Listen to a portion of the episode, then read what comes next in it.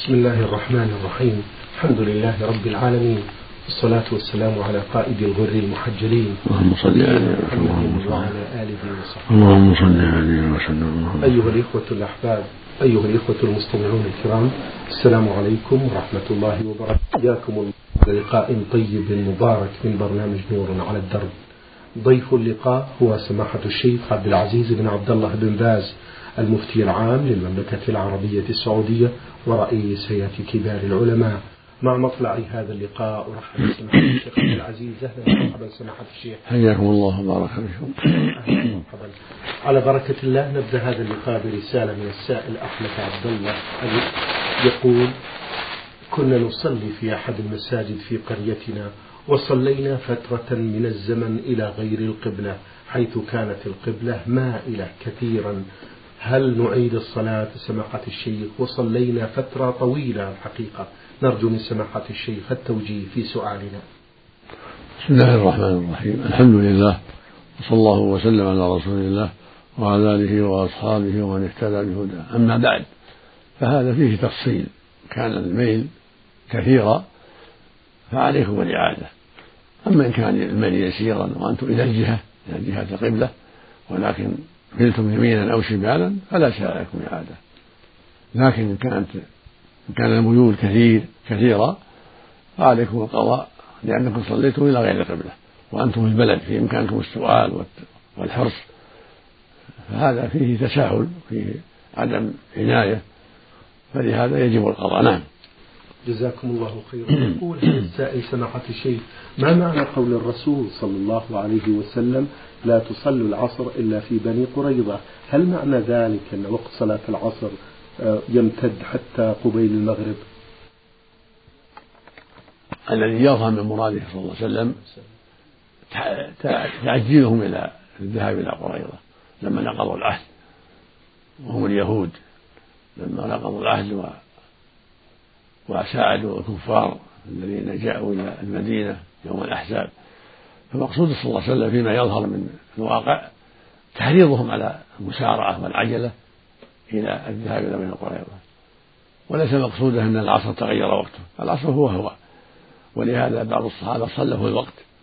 وقال مراده صلى الله عليه وسلم أن نسارع إلى الذهاب إلى قريظة ولم يؤخروها وآخرون أخروها تبعا لظاهر الأمر.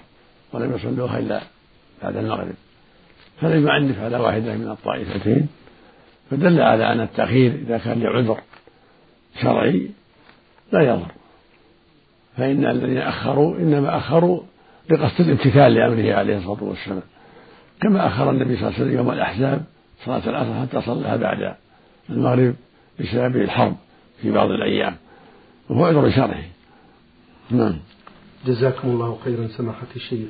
ما حكم غيبة العاصي؟ سماحة الشيخ هذا السائل عبد الله إبراهيم سوريا. العاصي كان قد أعلن المعصية لا غيبة له في المعصية التي أعلنها وجاهر بها كالمجاهرة بحلق اللحى بحلق اللحية والمجاهرة بشرب الخمر. فإذا ذم بذلك فلا فلا غيبة له. أما إذا كان سرا لا يجهر بها بينه وبين أهل بيته فلا يجوز اغتيابه. بل يجب الحذر من ذلك والستر عليه. نعم. السائل آه، محمد محمود شاهين يقول تخلف رجل عن صلاة الجماعة أي حضر بعد سلام الإمام فماذا يفعل؟ هل يلتحق بمن جاء متأخر ويتم معه أم ماذا يفعل سماحة الشيخ؟ يقول تخلف رجل عن صلاة الجماعة أي حضر بعد سلام الإمام. فماذا يفعل؟ هل يلتحق بمن جاء متأخر ويتم معه؟ أم ماذا يفعل؟ نعم إذا فاتته الصلاة مع الجماعة إن وجد أحد صلى معه وإلا صلى وحده. والحمد لله. وإن وجد جماعة ولو واحدة صلوا جماعة. نعم. جزاكم الله خيرا. السائل محمد سعد المطيري يقول إن والدتي حجت قبل عشرين عاما. ورمت الجمرات السبع جميعا ولم تفرق بينهن والآن هي كبرت ولم تستطيع الحج وهي مؤثرة وهي متأثرة من حجها الأول. أفيدنا بذلك جزاكم الله خيرا. حجها صحيح والحمد لله. وعليها ذبيحة دم تذبح مكة عن جمعها الجمرات. لأن جمعها الجمرات يعتبر جمرة واحدة كأنها ما رمت إلا حجرا واحدا فعليها دم يذبح مكة للفقراء عن ترك الجمار التي جمعتها. نعم. من البحرين السائلة حاء عين تقول هل صحيح يا سماحة الشيخ أن الزوجة لا يصح لها أن تتصدق عن زوجها بعد وفاته ولا تترحم عليه ولا تدعو له؟ وإذا صح ذلك فما هي الأسباب؟ نرجو منكم الإفادة الشرعية. هذا ليس بصحيح. هذا غلط. الذي يقول هذا غلط. يعني جهل منكر. بل يشرع لها تصدق عنه. والدعاء له والاستغفار له والحج عنه والعمرة كله طيب. الله جعل بينهما عشرة عشرة واجتماع واجتماع. يعني لا ينبغي أن ينسى الله يقول ولا تنسوا الفضل بينكم. لا تنسى الزوجة زوجها ولا ينساها هو إن ماتت قبله. كل منهما يشرع له الإحسان إلى الميت قبله. بالصدقة والدعاء والاستغفار والحج عنه قضاء دينه وغير هذا من وجوه الخير. والذي يقول لا يفعل ولا هذا قول باطل منكر. لا يقول عاقل. جزاكم الله خيرا سماحة الشيخ. لها سؤال ثاني السائلة الأخت حاء عين من البحرين تقول هل يجوز لي أن أصلي في وقت النهي عندما أبادر للوضوء لقراءة القرآن أو للدعاء خصوصا في أيام الجمعة؟ وذلك بعد العصر. علما بأنني لا أتوضأ عمدا بنية صلاة إنما أتوضأ للدعاء كما ذكرت. جزاكم الله خيرا. إذا توضأ الإنسان في وقت النهي يصلي سنة الوضوء. ليس لها وقت نهي.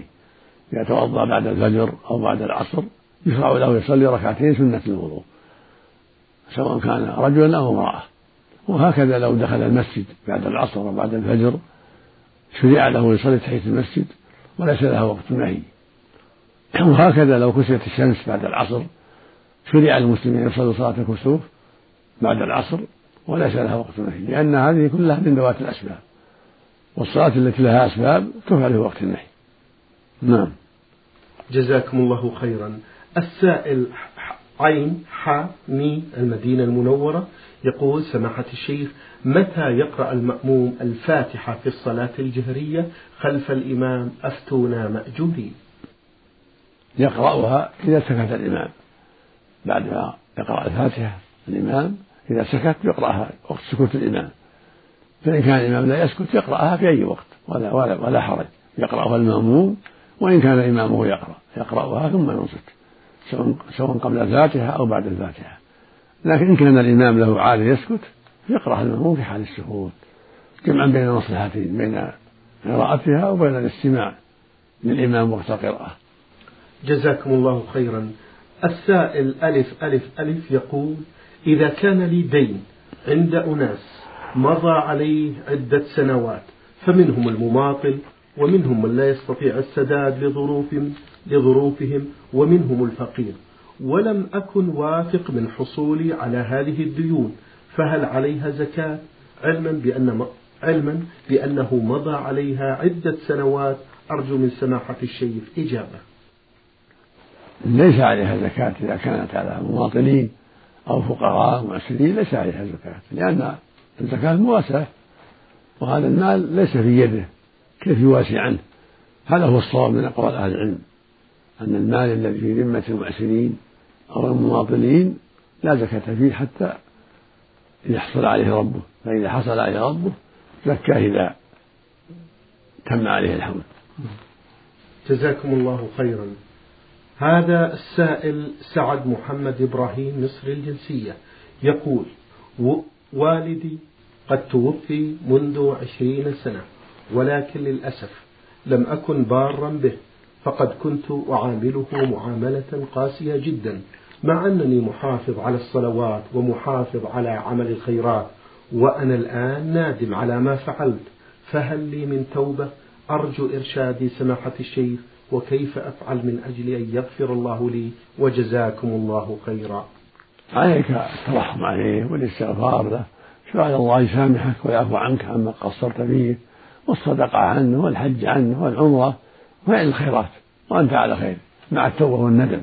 التوبة إلى الله والندم مما حصل منه من التقصير وسؤال الله يعفو عنك جل وعلا ومع ذلك تفعل الخيرات ترحم عليه تدعو له تستغفر له تصدقوا عنه تحجوا عنه تعتمد عنه كل هذا. طيب. جزاكم الله خيرا سماحة الشيخ. هذا السائل من الجزائر غزوني يقول في هذا السؤال هل يجوز للزوجة قص مقدمة الرأس وذلك من باب التزين لزوجها. يقول هذا السائل هل يجوز للزوجة أن تقص مقدمة الرأس؟ وذلك من باب قصد التزين للزوج. نرجو منكم الإفادة. ترك ذلك أولى. يعني يخشى أن يكون من جنس القزع يشبه القزع وهو حلق بعض الرأس وترك بعضه. تركه أحوط. أما لو أخذت من جميع الرأس من أطراف الرأس كله لأنه يشق عليها لكلفته وأخذت من أطراف الشعر لا حرج إن شاء الله. وقد ثبت أن أزواج النبي صلى الله عليه وسلم بعد وفاته أخذن من رؤوسهن قصرنها لأجل الكلفة. فالحاصل أنه إذا كان من جميع الرأس لأجل الكلفة والمشقة فلا بأس. أما أخذ المقدمة ترك هذا أحوط وأولى. لقول النبي صلى الله عليه وسلم دع ما يريبك إلى ما لا يريبك جزاكم الله خيرا سماحة الشيخ. تقول في فقرتها الثانية هل يجوز للعروس أن تستعمل الحنة في يوم الزفاف؟ وهل هي بدعة أم مباحة؟ لا حرج هذا السؤال. تقول هل يجوز للعروس أن تستعمل الحنة في يوم الزفاف؟ وهل هي بدعة أم مباحة؟ يجوز؟ الحنة استعمال الحنة بالنسبة للعروس فضيلة الشيخ لا حرج لا حرج. في ذلك حتى من الحنة أو غيرها من أسباب الزينة وتلبس الحلي وتستعمل الحنة والكحل كل شيء يراقب في عين الزوج. كل هذا لا بأس به. إذا كان الحنة شيء لا يؤذي الزوج يعني شيء تستعمله على وجه إذا دخلت على الزوج يكون يابسا ما في شيء يؤذي الزوج ولا يكدره. على طريقة ما فيها أذى كالذي يستعملون على النار حتى يلبس تدخل وهي يعني قد يبس من يديها ولا في يدها شيء يؤذي أما إذا كان شيء يؤذي لا يترك لأنه قد يؤذي الزوج يمنع من حاجته. لكن تفعل شيء لا يؤذي الزوج. نعم. جزاكم الله خيرا.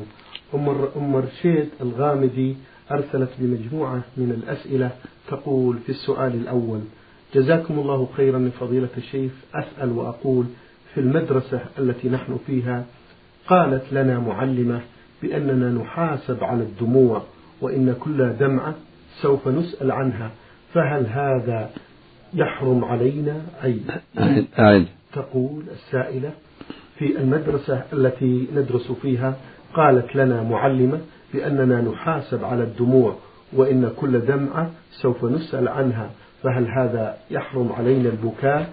أحيانا المرأة ضعيفة يبكيها الضرب أو الآلام أو جرح المشاعر أو أي شيء أو أحد ظلمها. فهل معنى ذلك بأن الدموع في هذه الحالة حرام؟ ولكن نحن نساء ضعيفات مثل ما يقولون سلاح المرأة الدموع بل الدموع متنفس ومخرج لبعض الهموم. فهل من المعقول أن لا نبكي أبدا إلا في جنب الله فقط؟ نرجو من سماحة الشيخ إجابة. لا حرج في ذلك. قول المعلم هذا قول لا أصل له ولا أساس له. لا حرج. في البكاء عند الحاجة والدمع عند الحاجة لا حرج في ذلك. إذا أصاب المرأة أو غيرها ما يؤذيها ودمعت عيناها لا بأس.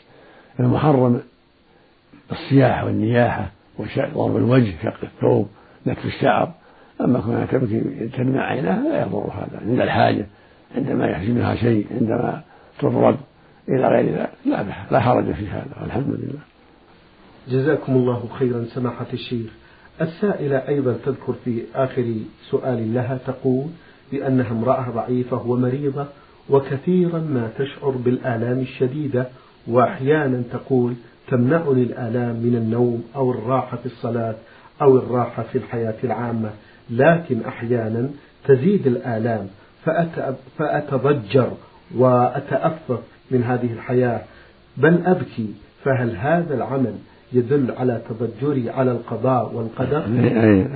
تقول سماحة الشيخ أنها امرأة ضعيفة ومريضة وكثيرا ما تشعر بالآلام الشديدة وأحيانا تمنعني الآلام من النوم أو الراحة في الصلاة أو الراحة في الحياة العامة. لكن أحيانا تزيد هذه الآلام فأتضجر وأتأفف وأحيانا أبكي.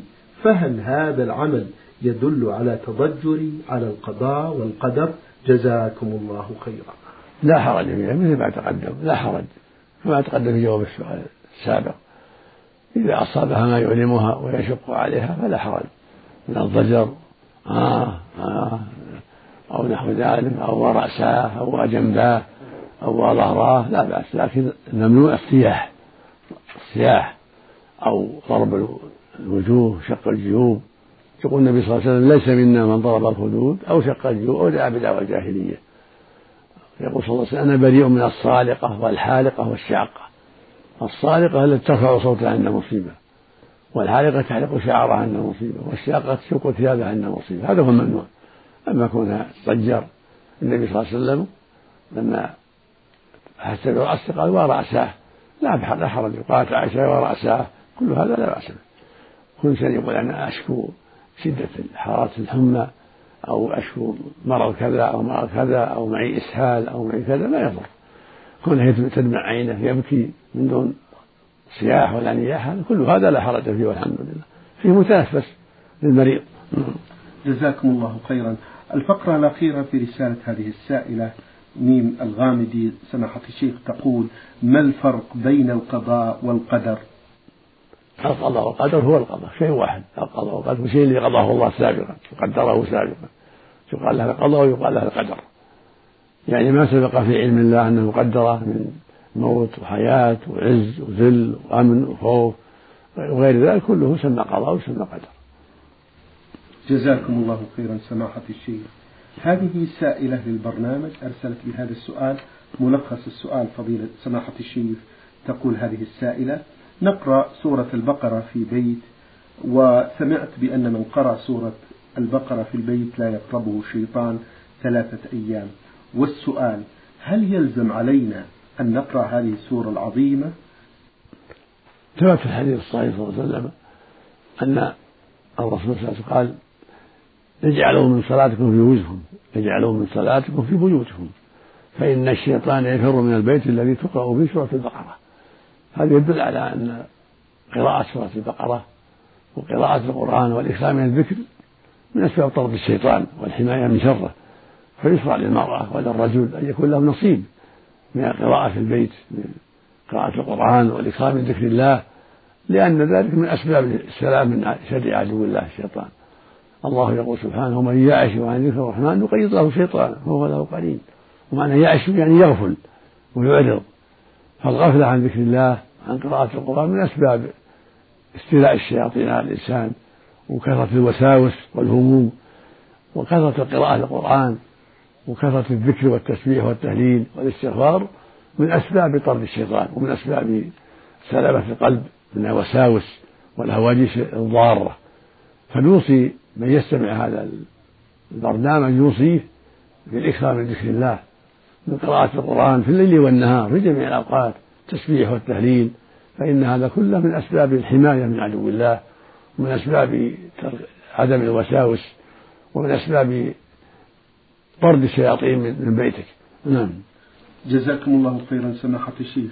تقول في فقرة أخرى لسماحة الشيخ هل يكفي أن نفتح شريط بصوت آه، أي قارئ ونحن نستمع فقط وهل يشترط أن نقرأ هذه السورة في جلسة واحدة أو نستمع إليها باستماع متواصل من بداية السورة حتى نهاية السورة. هذا هو مستحب السماع يستحب لكم السماع القارئ وإذا قرأتم بأنفسكم فهو خير. والحمد لله يستحب لكم سماع القارئ والإنصات والتدبر والتعقل. النبي صلى الله عليه وسلم أمر عبد الله بن مسعود في بعض الأيام في بعض المجالس أن يقرأ عليه القرآن. فقال عبد الله يا رسول كيف أقرأ عليك وعليك أنزل؟ قال عليه الصلاة والسلام إني أحب أن أسمعه من غيري. فقرأ عليه عبد الله بن مسعود أول سورة النساء حتى بلغ قوله تعالى فكيف إذا جئنا من كل أمة بشهيد وجئنا بك على هؤلاء شهيدا؟ قال النبي حسبك. قال عبد الله بن مسعود فالتفت إليه فإذا عيناه تذرفان عليه الصلاة والسلام والله يقول وإذا قرئ القرآن فاستمعوا له وأنصتوا. فالمؤمن يقرأ ويقول صلى الله عليه وسلم اقرأوا القرآن فإنه يأتي شفيعا لأصحابه يوم القيامة. فالمؤمن يقرأ في بيته يصلي النوافل في بيته ويكثر من التسبيح والتهليل والتحميد والاستغفار والدعاء. كل هذا من أسباب المغفرة ومن أسباب رضا الله ومن أسباب انشراح الصدر وقوة الإيمان ومن أسباب طرد الشياطين. جزاكم الله خيرا سماحة الشيخ. من القصيم وردتنا هذه الرسالة بها مجموعة من الأسئلة. السائل ألف صاد عين القصيم يقول سماحة الشيخ ما حكم نظر المخطوب إلى مخطوبته وهي بكامل زينتها ودون حجاب على رأسها؟ نرجو من سماحة الشيخ التوجيه. لا بأس بذلك النبي صلى الله عليه وسلم أمر بالنظر المخطوبة فالسنة للخاطب أن ينظر إليها وإلى وجهها وشعرها ويديها وقدميها كل هذا لا بأس به. لكن من غير خلوة ينظر إليها من دون خلوة بها مع بحضور أبيها أو أمها أو غيرهما أو من بعيد من فرجة أو من جدار أو من في ذلك لا بأس. أما الخلوة فيها في محل واحد لا لا يجوز. لكن إذا اجتمع بها مع أمها أو مع أختها أو مع عمتها أو مع غيرهم فلا حرج في ذلك.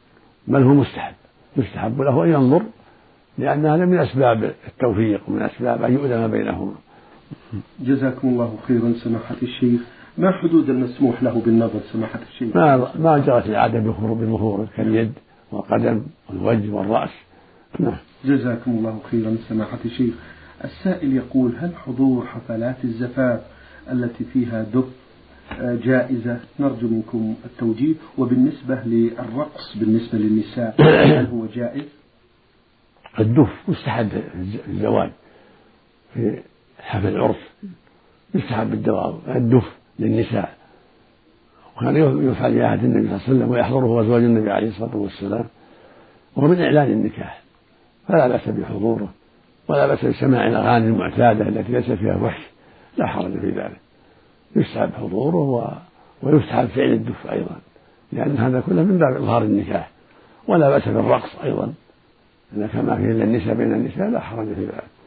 بالنسبة لسماحة الشيخ لمكبرات الصوت التي توضع عادة في حفلات الزواج أيضا هل لكم توجيه؟ لا حرج في ذلك. إذا كانت لإسماع النساء إذا كان الحفل كبير إذا كان الحفل كبيرا ويحتاج إلى مكبرات الصوت فلا بأس.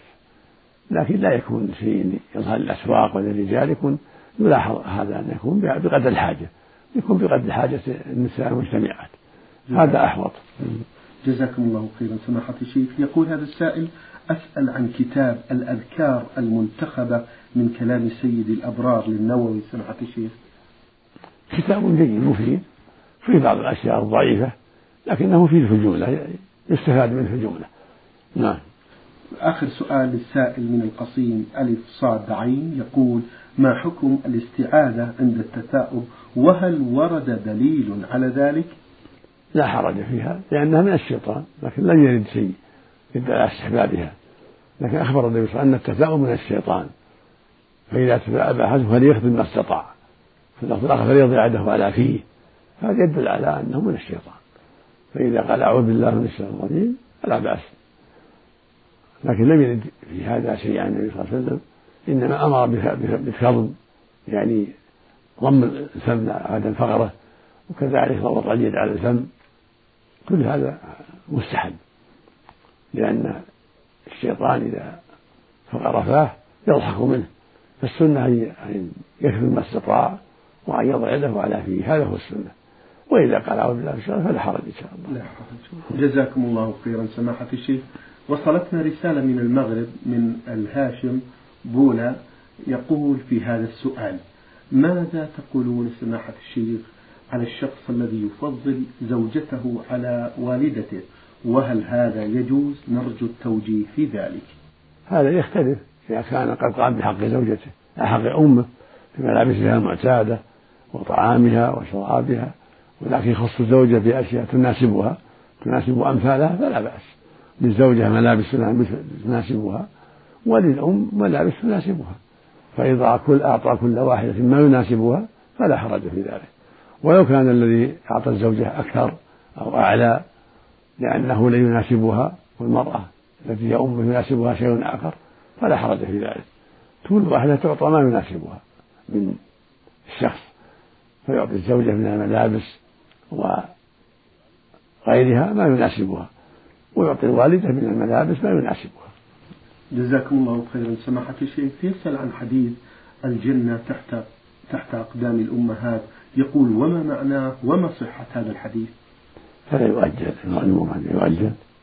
جزاكم الله خيرا. حتى يؤجل لأن في سند نظر. جزاكم الله خيرا سماحة الشيخ. نعود إلى رسالة بعث بها المستمع أبو عبد الله من الزلفي له مجموعة من الأسئلة. يقول العام الماضي لم نبت في المزدلفة حيث معنا نساء كبيرات في السن عددهن خمس نساء وأربع رجال. هل علينا شيء في ذلك سماحة الشيخ؟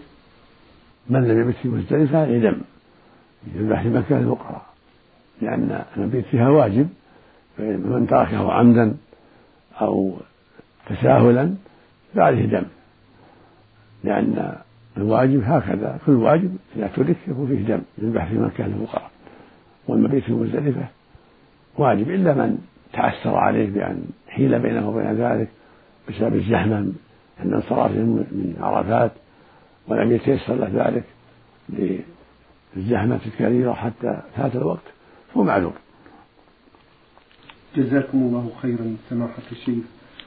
له فقرة أخرى يقول ما حدود هجران الأخ لأخيه وإذا هجرت ولدي ثلاث أيام بلياليهن تأديبا له على معصية فهل هذا جائز؟ نعم الهجر بين الإخوان. حده ثلاث. يقول النبي صلى الله عليه وسلم لا هجرة فوق ثلاث. واللفظ الآخر يقول صلى الله عليه وسلم لا يحل المسلم يهجر أخاه فوق ثلاث. يلتقيان فيعرض هذا وخيرهما الذي يبدأ بالسلام يعني في الحق الذي بين الناس حقوق الدنيا الخصومات أو غيرها. أما إذا كان هجر لله من أجل بدعة أو معاصي ظاهرة فهذا ليس له حد. فله أن يهجر حتى يتوب. والهجر النبي صلى الله عليه وسلم كان بن مالك وصاحبيه لما تخلفوا عن غزوة تبوك بغير عذر هجرهم خمسين ليلة عليه الصلاة والسلام حتى تاب الله عليهم. فالمقصود إنه إذا كان لحقه خصومة بينه وبينه أو سبه أو شتمه أو هجره لا بأس. لكن منه ثلاثة أيام. فأقل. أما إذا كان لحق الله لأنه رجل مبتدع. أو أظهر المعاصي ولم يقبل النصيحة. هذا يهجر حتى يتوب جزاكم الله خيرا سماحة الشيخ. له سؤال أخير يقول سماحة الشيخ بالنسبة لطواف الوداع في العمرة إذا أتى به الشخص هل في ذلك بأس؟ طيب. يقول طواف الوداع في العمرة إذا أتى به الإنسان هل في ذلك بأس؟ يستحب أن يأتي بالوداع لأنه في خلاف. بعض أهل العلم يراه واجب. فإذا طاف الوداع في العمرة يكون أفضل وأحوط. نعم. جزاكم الله. إلا إذا كان خروجه في الحال اعتمر ومشى ما يحتاج وداع طاف وساعة ثم مشى ما يحتاج وداع لكن لو تأخر يوم يومين يعني تأخر وقتا طويل يستحب له يودع. نعم. شكر الله لكم سماحة الشيخ وبارك الله فيكم وفي علمكم ونفع بكم المسلمين وأسأل الله عز وجل أن يحفظكم بحفظه وأن يكلأكم برعايته. وإياكم. أيها الإخوة والأخوات أجاب على أسئلتكم سماحة الشيخ عبد العزيز بن عبد الله بن باز المفتي العام للمملكة العربية السعودية ورئيس هيئة كبار العلماء. شكر الله لسماحته على ما بين لنا. شكر الله لسماحته على ما بين لنا في هذا اللقاء الطيب المبارك. وشكرا لكم أنتم والأخوات وفي الختام تقبلوا تحيات زميلي مهندس الصوت فهد العثمان والسلام عليكم ورحمة الله وبركاته.